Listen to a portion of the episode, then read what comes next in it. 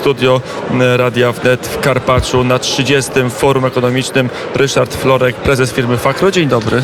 E, Dzień dobry panu, dzień dobry państwu. No dobrze, 30 lat ma forum, ale to pal licho. 30 lat ma Fakro. E, 30 lat teoretycznie ma polski kapitalizm. I jakie wnioski? I takie wnioski, że się rozwijamy, jesteśmy tu, gdzie jesteśmy. E, Forum na 30-lecie musiało się przenieść do Karpacza, co, na co my, sądeczanie, bardzo ubolewamy, no ale czasami się tak zdarza.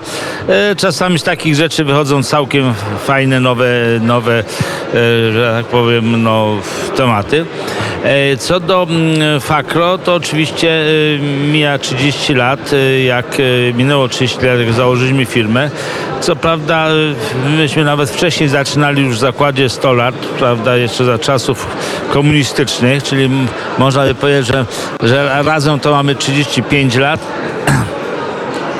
No w ciągu tych 35 lat, można powiedzieć, udało się nam zbudować globalną firmę. Jesteśmy na y, wszystkich rynkach świata, gdzie się okna dachowe sprzedają.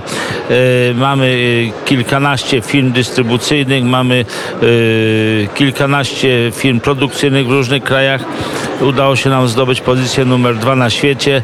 Zatrudniamy prawie 5 tysięcy osób i no i cóż, i walczymy dalej, chcemy jeszcze więcej. E, to Chcemy są- większy udział w globalnym To rynku. jest historia Fakro, historia firmy, która e, trwa, która przetrwała wszystkie zaburzenia, 30 lat.